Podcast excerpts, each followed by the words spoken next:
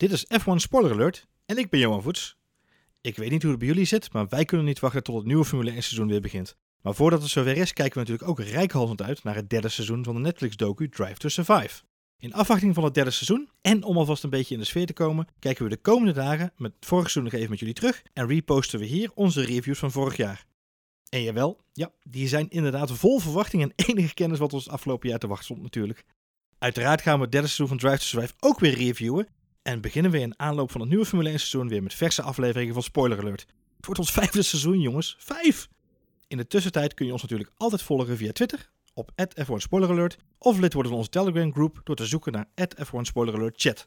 Wil je ons helpen om in het vijfde seizoen nog meer mensen kennis te laten maken met de leukste F1 podcast van Nederland? Laat dan een review achter of deel onze podcast met je vrienden en familie natuurlijk. En voor nu, door met de show.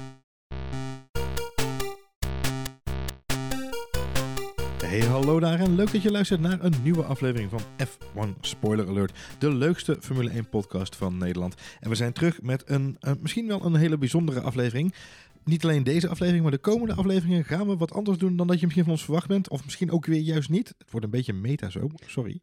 Ja, het is wel heel erg ja, ik ga een beetje tegelijk de diepte in. Hoor Marjolein? Ja, nee, nou ja. met mij is weer Marjolein. Hallo ja, Marjolein. Hallo, hallo, hallo, We gaan het hebben over onze favoriete sport. Ja. Formule 1. Ja. Sst, moet je het niet hardop zeggen. Want voor je het weet heb je ruzie met allemaal mensen. Ja, want het is even niet een goede week om het over Formule 1 te hebben.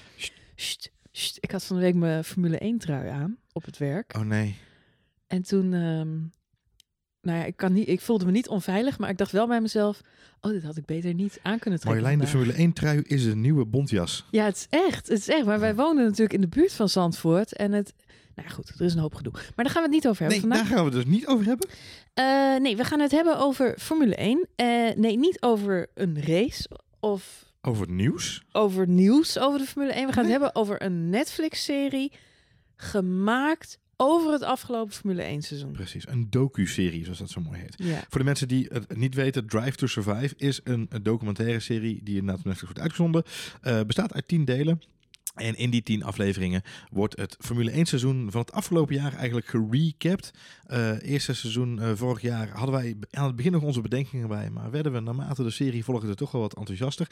En op basis daarvan hebben we dit jaar besloten, weet je wat we gaan doen? We gaan gewoon na elke aflevering, pakken we de recorder erbij. En dan gaan we even een podcastje opnemen. Nemen we even een kort podcastje op. Voor de mensen die, die de serie kijken, en die na afloop van het kijken van de serie, eigenlijk net zoals wij zelf, behoefte hebben even te ventileren. Oh ja, om daar heel even nog eens een keer extra over te hebben. Precies. En het is wel grappig wat jij zegt. Want vorig jaar was natuurlijk... Uh, uh, ja, kwam het eerste seizoen Drive to Survive uit. En eigenlijk was daar daarvoor nog niet heel veel aandacht voor. Ja, je wist wel iets, maar je wist niet wat je kon verwachten.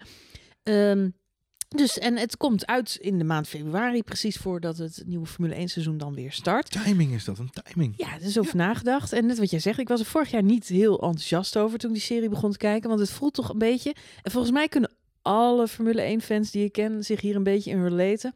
Maar zo gauw andere mensen aan je sport komen, die jij al 10, 20, soms 30 jaar, 40 jaar aan het volgen bent... Dat moeten ze niet doen. Weet je, ze moeten er vanaf blijven. En zeker in Netflix ja, de, eh, de, eerste keer dat ik die, die, die afleveringen zag, toen dacht ik, ja, uh, dit, is dus, dit heeft helemaal geen snars met Formule 1 te maken. We hebben wat? We waren niet alleen die mening. Hè? We zeiden allemaal het is een beetje de romantiek en de spanning zoeken waar die misschien niet is in de Formule 1. We waren, niet, we waren niet alleen die mening. Nee. Ook Toto Wolf, de baas van Mercedes. Ja, die snapte er ook helemaal niks snapte van. er helemaal niks van. Maar naar aanleiding van het nog verder kijken in het seizoen en natuurlijk de reacties van het publiek, heeft hij toch besloten om dit seizoen mee te werken aan de documentaire serie. Tot ons aller uh, blijdschap. Ook Ferrari is er dit jaar bij. Um, belangrijk voor iedereen die nu luistert. Heb je de eerste aflevering van Drive to Survive seizoen 2 Lights Out nog niet gezien? Kijk hem dan eerst even, want ik ga je verklappen ja, dat wij gaan niet spoilers, Wij gaan spoilers geven over wie de eerste race van het jaar in 2019 gewonnen heeft. Dus mocht je dat niet willen weten... Deze podcast heet niet voor niks spoiler Er zullen vast mensen zijn die deze podcast gewoon luisteren... zonder dat ze heel die serie gaan zitten kijken. Dat zou ook wel prettig zijn. Nou, dat zou ik heel leuk vinden. Mocht je dat niet willen doen, laat ons dan weten wat je van de serie vindt. Op basis van onze input. Ja. maar goed, wat ik, wat ik wil zeggen. Vorig jaar eh, wisten we geen, geen idee wat, die, wat zo'n serie zou zijn. En dit jaar uh, was natuurlijk wel een beetje zo dat je de Formule 1 zat te kijken met die Netflix-serie in je achterhoofd. Ehm, en met name dan, nou ja, hoog, eh, waar de spanning hoog opliep, was natuurlijk Ja. bijvoorbeeld Duitsland. Ja. Eh, zelfs Max Verstappen die zei het op een gegeven moment op persconferenties: van waar kijk je het meest naar uit bij de Netflix-serie? Die aflevering in Hockenheim in, in Duitsland. Dus je zat dit jaar wel een beetje met een andere bril op naar de races te kijken. Ja. Omdat je soms dacht, oh, ik hoop maar dat ze dit gefilmd hebben. Dat dit terugkomt. Dit wil ik wel graag terugzien in... eh, Ja, En, nu, en nu is de vraag aan ons. Is dat gelukt? Ja, is dat gelukt Ja. inderdaad? En we gaan het hebben over aflevering 1. Aflevering 1, Ja. Lights Out, de titel van die aflevering. Eh, het duurt nog wel even in deze aflevering voordat de lights daadwerkelijk uitgaan. Want we gaan eerst nog 6000 keer van hot naar her in de flashbacks. Ja, ik was op een gegeven moment, was, we gingen drie weken terug, vier weken vooruit, twee Drie maanden eerder, één dag verder, drie weken terug. Zo net na carnaval voelt het een beetje als doe een stapje naar voren Ja, en een stapje terug. Dat is ongeveer Ehm, een resume van de eerste aflevering. Wat mij opviel Marjolein is Ja. dat ze wel direct bezig gingen in deze aflevering om eh, de nieuwe teams die aan boord zijn, dus Mhm. Ferrari en, eh, en Mercedes, een hartelijk welkom te heten. Want we openen met Binotto, Ja, met Mauro Picotto. En, eh, en daarna komt ook nog even natuurlijk alle eh, hoofdrolspelers van Mercedes nog even ja, je bedoelt de nieuwe teams die meedoen aan deze Netflix. Aan deze Netflix-serie. Ja, ja, ja, ja, Niet, niet de nieuwe teams. Nee, dat- Nee, ik vond het ook wel grappig, want de, de eerste aflevering opent inderdaad met het beeld van eh, Binotto. Wat heel grappig is, als je in de televisie hebt gewerkt of wel eens videoproductie hebt gedaan, standaard de eerste interviewvraag van elke interviewer, dus zo gauw de camera aangaat en jij zit daar zenuwachtig van, oh, ik ben op beeld. De eerste vraag is altijd, wie ben je en wat doe je? Ja. Dat is een soort, dat is gewoon een afspraak. Dat doet iedereen. En dat is niet eens zozeer omdat, omdat het gebruikt gaat worden, dat fragment. Maar het is ook even om de eh, geluidsterkte te checken. En of iemand op zijn gemak. Het is ook de makkelijkste vraag om te beantwoorden. Je bent er gelijk lekker in. Ja. Voor de meeste mensen. Ik heb er altijd moeite mee. Ja, Sommige precies. mensen die raken helemaal Sorry daar daarvoor. al het spoor bijster. Ja. Nee, maar ik vond het grappig om te zien. Dat doen ze dus ook bij, eh, bij Binotto. En je ziet hem echt een beetje zo fronsen. Zo van, serieus? Moet ik die vraag nou beantwoorden? En dat vind ik toch wel heerlijk. Dat vind ik, ja, daar zijpelt toch ook wel een beetje. En eh, trouwens, Lewis Hamilton heeft hetzelfde. Want een paar fragmenten daarna eh, krijgt hij ook die vraag. En wordt hem ook gevraagd waar hij dan, dan rijdt. En dan, dan zie je hem ook een beetje zo kijken. Zo, moet dit? Serieus? Ja, ja, Serieus? Je weet toch wel wie ik Ja, ben? het is een diepe zucht inderdaad. Ja. Wel leuk overigens ook de Dan van uh, komt er mij een beetje over van, uh, van, van uh, uh, Binotto. Heb je ook Netflix? Nee. Nee, nee, geen idee. Geen Daar idee ik- waarvoor ik daar zit. voor. Nee, precies. Nee, iemand heeft hem gezegd, ga hier maar zitten, je wordt geïnterviewd. Overigens voor het team van Mercedes bleek het nogal lastig in die eerste vijf minuten om de teamnaam goed uit te spreken. Ja, dat vond ik heel komisch. Ze hebben het wat dat betreft wel heel mooi gemonteerd. En ik moet eerlijk zeggen dat ik het... Kijk, de teams hebben natuurlijk allemaal goedkeuring moeten geven hè, op de beelden die uiteindelijk gebruikt zijn. En inderdaad, ze doen ook wel een beetje hun best om Mercedes en Ferrari direct een beetje arrogant neer te zetten. Eerst met dat fragment van Binotto en daarna inderdaad uh, uh, Mercedes. Waarbij zowel Lewis Hamilton als Toto Wolff niet precies weten wat de officiële teamnaam is. Ja, en, en Wolf gaat dan ook lekker in het Duits. Dat vind ik altijd zo lekker. Uh, ja, maar ik vond dat een heel komisch moment. De enige die wel weer Wie, wie zagen ik dat? Ja, wie precies. zagen hoe heet het team ook alweer? En de enige die inderdaad... Bottas ja, ja, Bottas, die weet het dan wel. Die Ja. zegt dan keurig Mercedes AMG Petronas. Ja, had je geluk hè, want voor zo had je Bottas 1.0 gehad. Die had het niet geweten. Ja, maar het, het geeft wel aan. Nou ja, we hebben er veel grappen over gemaakt. Maar Bottas was vorig jaar natuurlijk niet op zijn... Of nee, wat zeg ik? Twee jaar geleden, 2018. Ja, zo lang Ja, geleden zo lang geleden. Nou. Die was niet, eh, er was veel kritiek op. Hij zou de auto niet begrijpen. Hij zou niet zo'n snuggere jongen zijn. En er zou veel moeite hebben om eh, mee te komen. Nou, dat alles is nog niet Maar ontkracht. dit examen, maar- het examen van de Netflix-documentaire Drivers Survive, Ja. met vlag en wimpel. Want hij is de enige die weet wat de officiële naam is van het team Mercedes. Als dit de test en executie was van het team van ja, Wie is de Mol inderdaad. Dan, Mercedes, dan heeft gewonnen. Valtteri Bottas Ja. de finale Heeft hij de gewonnen. finale gewonnen van Wie is de Mol. ja. Hey, ehm, eh, eh, wat ik al zeg, het duurt dan nog wel even voordat we daadwerkelijk naar Lights Out gaan. Maar we gaan natuurlijk eerst nog even het hele veld door. Eh, Ja, we beginnen de serie ook met een soort recap van vorig seizoen. we, hè? gaan, we gaan langs alle spelers van vorig jaar nog even langs inderdaad. Ik zie hier, eh, ik heb even snel meegeschreven. We gaan natuurlijk even langs Haas, onze vriend Koenter Steiner, die nog even moet worden uitgelicht. Eh, de situatie bij McLaren wordt nog even onder de loep genomen. Williams wordt nog even genoemd. En dan is er natuurlijk de verhaallijn tussen Sainz en Ricciardo. Eh, en eigenlijk de overstap van Ricciardo naar Renault, die, die eigenlijk naarmate ik me daarover over ging zitten nadenken, ik me realiseerde dat het eigenlijk misschien wel de grootste verhaallijn van de hele serie vorig jaar was. Volgens mij was dat Ja, de rode draad, of Ja. de, de gele draad in dit geval, eh, van, van die show vorig ja jaar het is ook beetje. wel hoe ze het gepositioneerd hebben. Was vorig seizoen natuurlijk heel erg, eh, eh, ja, Ricciardo bij Red Bull. Ik vond het wel goed dat ze daar nu in de eerste aflevering meteen even op terugpakken. Ik moest heel erg lachen om Christine Horner. Die nog even liet mee, doorschemeren dat het moment dat Daniel Ricciardo hem belde om te vertellen dat hij had getekend bij Renault, hij aanvankelijk dacht dat hij een grapje maakte. Ja. Gewoon serieus. Hij dacht, ja, waar... En hij zei, waarom zou je dat doen? Ja. Hij begreep daar helemaal niks van. Vond ik heel komisch dat het nog even... Ja, en, en, Zo en ook, werd. ook Daniel Ricciardo zei zelf hè, in de show van, nou ja, eh, eh, er zijn steeds, zullen nog steeds wel mensen zijn die zich afvragen waarom ik Ja. deze keus maak. Ja, Eh, ja, waarop ik heel erg knikte, ja, klopt. Ik, ja er zijn nog steeds... En eh, hij zegt letterlijk in die scène, hij zegt... I saw the momentum Oh ja, dat the team had since 2016. ja. En ik dacht serieus, echt mijn kaak viel open. Ik denk, jij zag het momentum... Jij zag, De hij neerwaartse spiraal, ja, zeg hij. hij ja. zat in 2018 in een, met een Renault motor in een Red Bull. En het ding is hoe vaak uitgevallen? ja, het is, Welk ja. momentum heeft hij het over? Ja, dit, neerwaartse spiraal is ook een momentum, Marjolein. Je kunt ook naar beneden momentum hebben. Mijn god, het is echt. Maar het, eh, hij, zei, ook, hij, hij gelooft er nog steeds in dat hij wereldkampioen wil worden. Hij denkt alleen dat dit de beste weg is daar naartoe. Ja. En een kleine recap, want Carlos Sainz was een ander hoofdpersonage vorig seizoen. Die Ja. zagen we deze eerste aflevering maar heel kort in beeld. Klopt. Maar er werd nog wel even gememoreerd aan het feit dat hij zijn plekje natuurlijk kwijtraakt aan Daniel Ricciardo.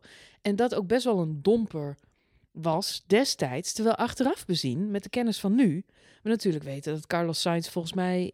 eh, De betere keus gemaakt. Ja, heeft. een master move heeft gemaakt door juist naar McLaren te gaan. Zeker. Ja. Maar 2018, eh, het rampjaar met eh, Alonso, Alonso en Honda. en eh, ja. Van Doornen. Ja, ja.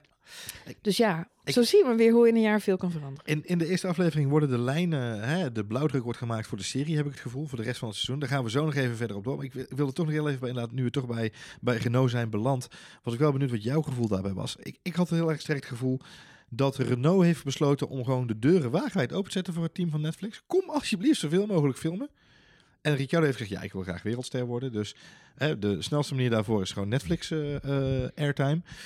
Ik vind het om echt wederom verdacht veel Renault en Ricciardo inzetten. Gelijk in die eerste aflevering. Denk je dat het is omdat ze een soort van PR-praatje ervan willen maken? Nou, ik denk. ehm, Kijk, Daniel Ricciardo is Australiër en hij heeft het voorbeeld van Mark Webber. En je moet ook een beetje altijd ki- kijken naar waar komen mensen vandaan. Er zijn, niet, er zijn wel wat bekende Australiërs. Ehm, ik denk, eh, ja, je hebt eh, eh, David Coulthard en, en je hebt We- Webber. Je hebt zo'n paar van die Formule 1-coureurs die ook overleven nadat hun carrière in de Formule 1 is beëindigd. En ik denk heel sterk dat Daniel Ricciardo dat voor zichzelf ook voor zich ziet. Hij is ehm eh, mediageniek. Eh, we weten allemaal vorig jaar eh, de contractonderhandelingen die allemaal op straat zijn komen te liggen. De Ricciardo Leaks, waar we nog een keer een podcast aflevering aan hebben gewijd, gewijd.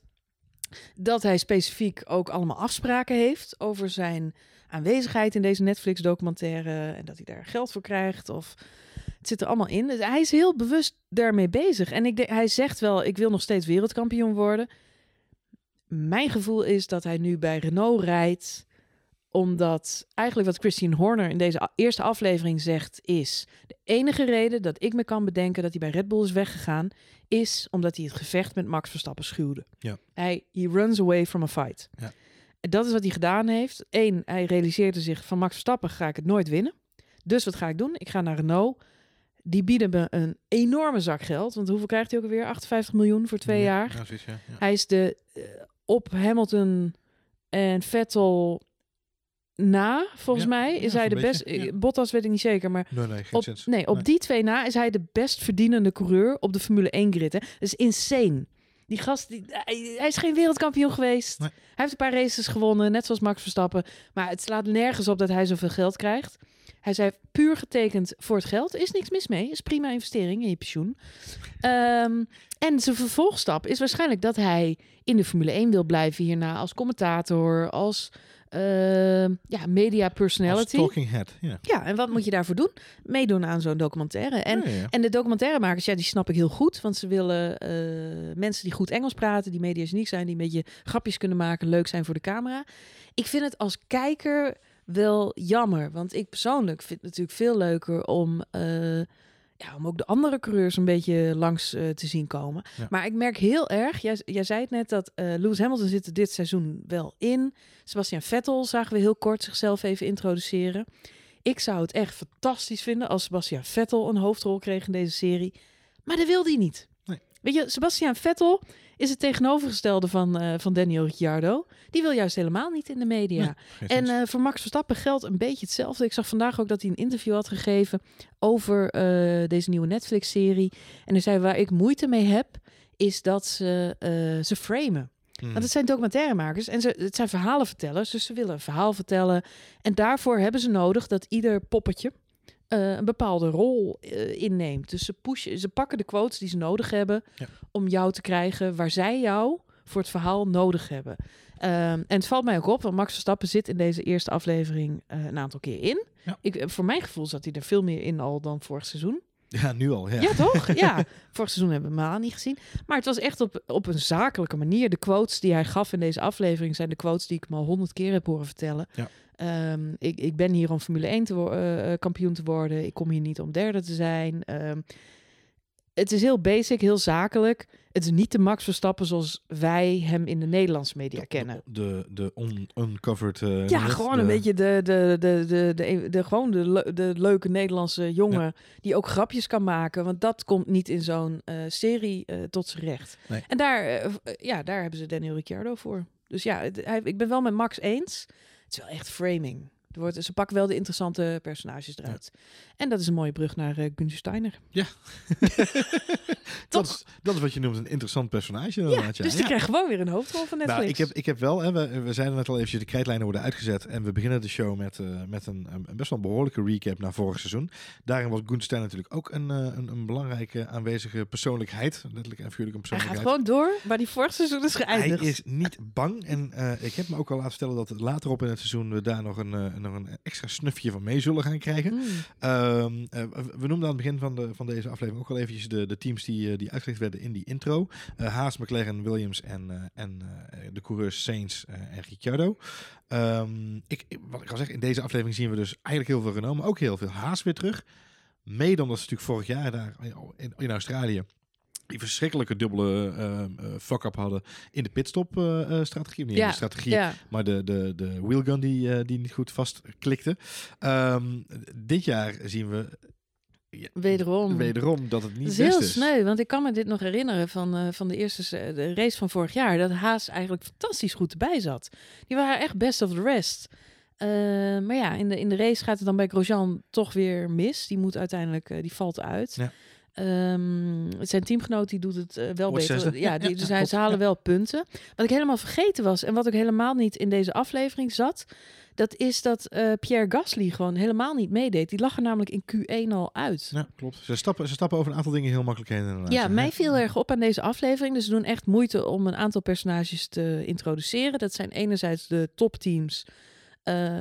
Hamilton en Bottas en Leclerc en Vettel worden even kort voorgesteld. Daarna gaat het over Max Verstappen. En dat is echt, dat zijn de, de premium mensen. En, en, wat, en dan hebben we de hoofdpersonages van vorig jaar, Daniel Ricciardo en Gunther Steiner, die voor het verhaal Ja, gevolgd worden, zeker, omdat ja. ze meer geld krijgen dan de rest. of omdat ze meer geld nodig hebben dan de rest. Ik weet het niet, maar die zijn in elk geval gekozen door Netflix. Die zijn interessant om te volgen en die geven ons ook all access. Ehm, dus die gaan we volgen. Wie daar helemaal buiten valt is Pierre Gasly. Ja, vooral Terwijl die toch, ja, ja. terwijl die toch natuurlijk de teamgenoot van Max Stappen bij het andere topteam. Maar hij wordt gewoon niet eens geïntroduceerd. Je ziet hem wel ergens een keer voorbij komen. Maar verder doet hij Nee, niet mee. op- maar dat deed hij dus in de race ook niet. Op, op Hij, dit eh, moment eh, zien we eigenlijk nog helemaal niemand voorbij komen. Wat, wat ik wel opviel en wat ik nog even wilde aanstippen was inderdaad Koen Steiner en Grosjean. Ja. Ik denk dat als er ooit een Oscar komt voor meest komische eh, passief-agressieve werkrelatie. Nou ja, de beelden, ja, de beelden zijn nu te Holy rechtvaardigen. Want ja, dit, is- dit is echt gewoon harassment in, in the workplace. Weet je? Iedereen kent dit wel. Als je Ja. ooit bij een bedrijf hebt gewerkt, er werkt altijd een manager die gewoon alles in de zeik neemt. Ja. En, ehm, en als hij soms ook zeg maar een beetje grapjes maakt, dan, dan, dan is dat wel oké, denk ik. Ja. Maar soms, dit, ja, ik, ik, heb, ik heb dit soort types wel eens meegemaakt. Maar je moet er wel tegen kunnen, zeg maar. Nou, Dat iemand je continu Ja. op de hak neemt. Nou ja, ik Verschut dat- ze ten opzichte van het hele team. Maar met de kennis van nu weet ik natuurlijk dat Grosjean zijn contract uiteindelijk verlengd is. Dus dan vind ik het, dan vind ik het wel weer oké. Er, is, er, er schijnt ergens een... een wat- zijn. nou ja, er, er is, Oh. een, er is een, een, een, eh, eh, een connectie tussen deze twee heren. Er is een, een gentleman's agreement dat dit kan. Dat is Ik- fascinerend? Ik denk, kijk, misschien dat Ik zou Grosjean... ontslag nemen hoor. Grosjean heeft, natuurlijk, Grosjean heeft natuurlijk al die therapieën Tijd gehad. Grosjean heeft natuurlijk al die therapieën gehad. Dus die Ja. is allemaal helemaal zen. Dus Ja, misschien, die kan heeft hij, hier tegen. misschien heeft hij wel gewoon gezegd, weet je wat, eh Ja. Gunther, ik ben zo zen. Kom jij maar op met al je slechte grappen en al je profanity. Ja. En dan, eh, dan vang ik het Het is op. trouwens niet alleen uh, Gunstein, hè, want we zien eh, Christine Horner tegen Max Verstappen een beetje dit soortzelfde grappen maken. Dus het is, wel, het is wel een beetje... Het is ook een workstyle. Ja, Ja. het is ook een beetje jongens onder elkaar. Zou kunnen. En eh, toch? Jawel, ja, zou kunnen. Oh jongens, krentenbrood. Dat zou zomaar kunnen, inderdaad. Nou, voor de rest, ja, is, weet je, is het gewoon even afwachten wat, eh, wat de, de, de volgende aflevering... De, de, de krijtlijnen zijn gezet, zoals ik al zeg. Eh, het enige Ja. wat ik me na deze aflevering wel echt afvraag... eh, en dan maken we nog heel, kle- heel klein een sprongetje terug naar, naar onze rode vriend Daniel Ricciardo. Mhm, Ehm, als je dan aan mij vraagt, wat is nou eigenlijk hetgene wat heel duidelijk wordt in deze aflevering? mhm. Voor mij is dat het feit dat ehm, Daniel Ricciardo als een soort nieuwe autosportgod naar binnen is gehaald bij Renault.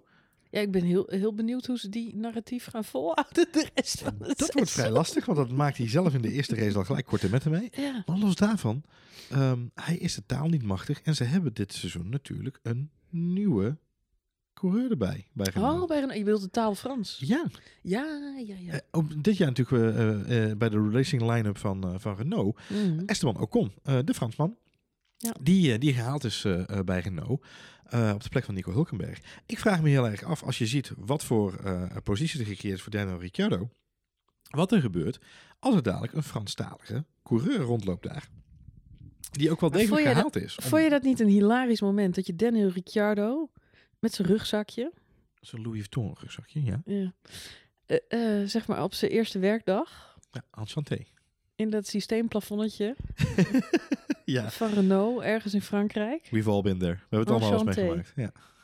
Ja, nee, ja, we hebben het allemaal meegemaakt. Maar je bent allemaal ooit ergens voor een baas begonnen. Ja. Dat je dacht, heb ik de juiste keus gemaakt door nee. hier te gaan werken? Het meest komische moment van dat shot vond ik eigenlijk het feit dat ze de, de opening maken van het Renault Headquarters shot. Zo'n Ja. mooi shot in de zon aan de voorkant van Renault Headquarters. Boom. En dan rijdt er op de achtergrond hier zo'n Mercedes-busje wegrijden. Ja. dat vond ik prachtig. En ze hebben het erin laten zitten, hè? ze hebben het niet Nee, maar dat, vind ik, dat is een, eh, als je het hebt over controle van de beelden, denk ik, ja, het is niet anders. Zo gaat het gewoon helemaal gewoon. Nou, ik vond het wel een komisch moment. Maar goed, ik ben heel benieuwd hoe ze dat verder uit gaan spinnen. Want wat, ik, ik, snap, ik snap de keuzes die ze maken. Het is zakelijk gezien allemaal logisch dat ze voor deze eh, mensen weer gaan als hoofdpersonages. Ik denk dat de andere coureurs, eh, Lewis Hamilton, Max Verstappen, maar ook Vettel, eh, dat zijn te veel sportmensen om een interessant verhaal uit te halen een heel seizoen lang. Want die zijn gefocust en in zekere zin ook een gesloten boek. Ja, dus volgens mij wordt het dan niet een, een mooie serie. Eh, ja, goed, mij als Formule 1-fan valt wel meteen weer op als je dan uiteindelijk de race ziet. Want er wordt 20 minuten lang toegewerkt naar de Formule 1-race, de eerste race van het seizoen. In Australië, fantastisch mooie beelden trouwens, even dat gezegd Ja, hebben. zeker weten. Ja. Eh, maar ja, de race is dan toch weer een.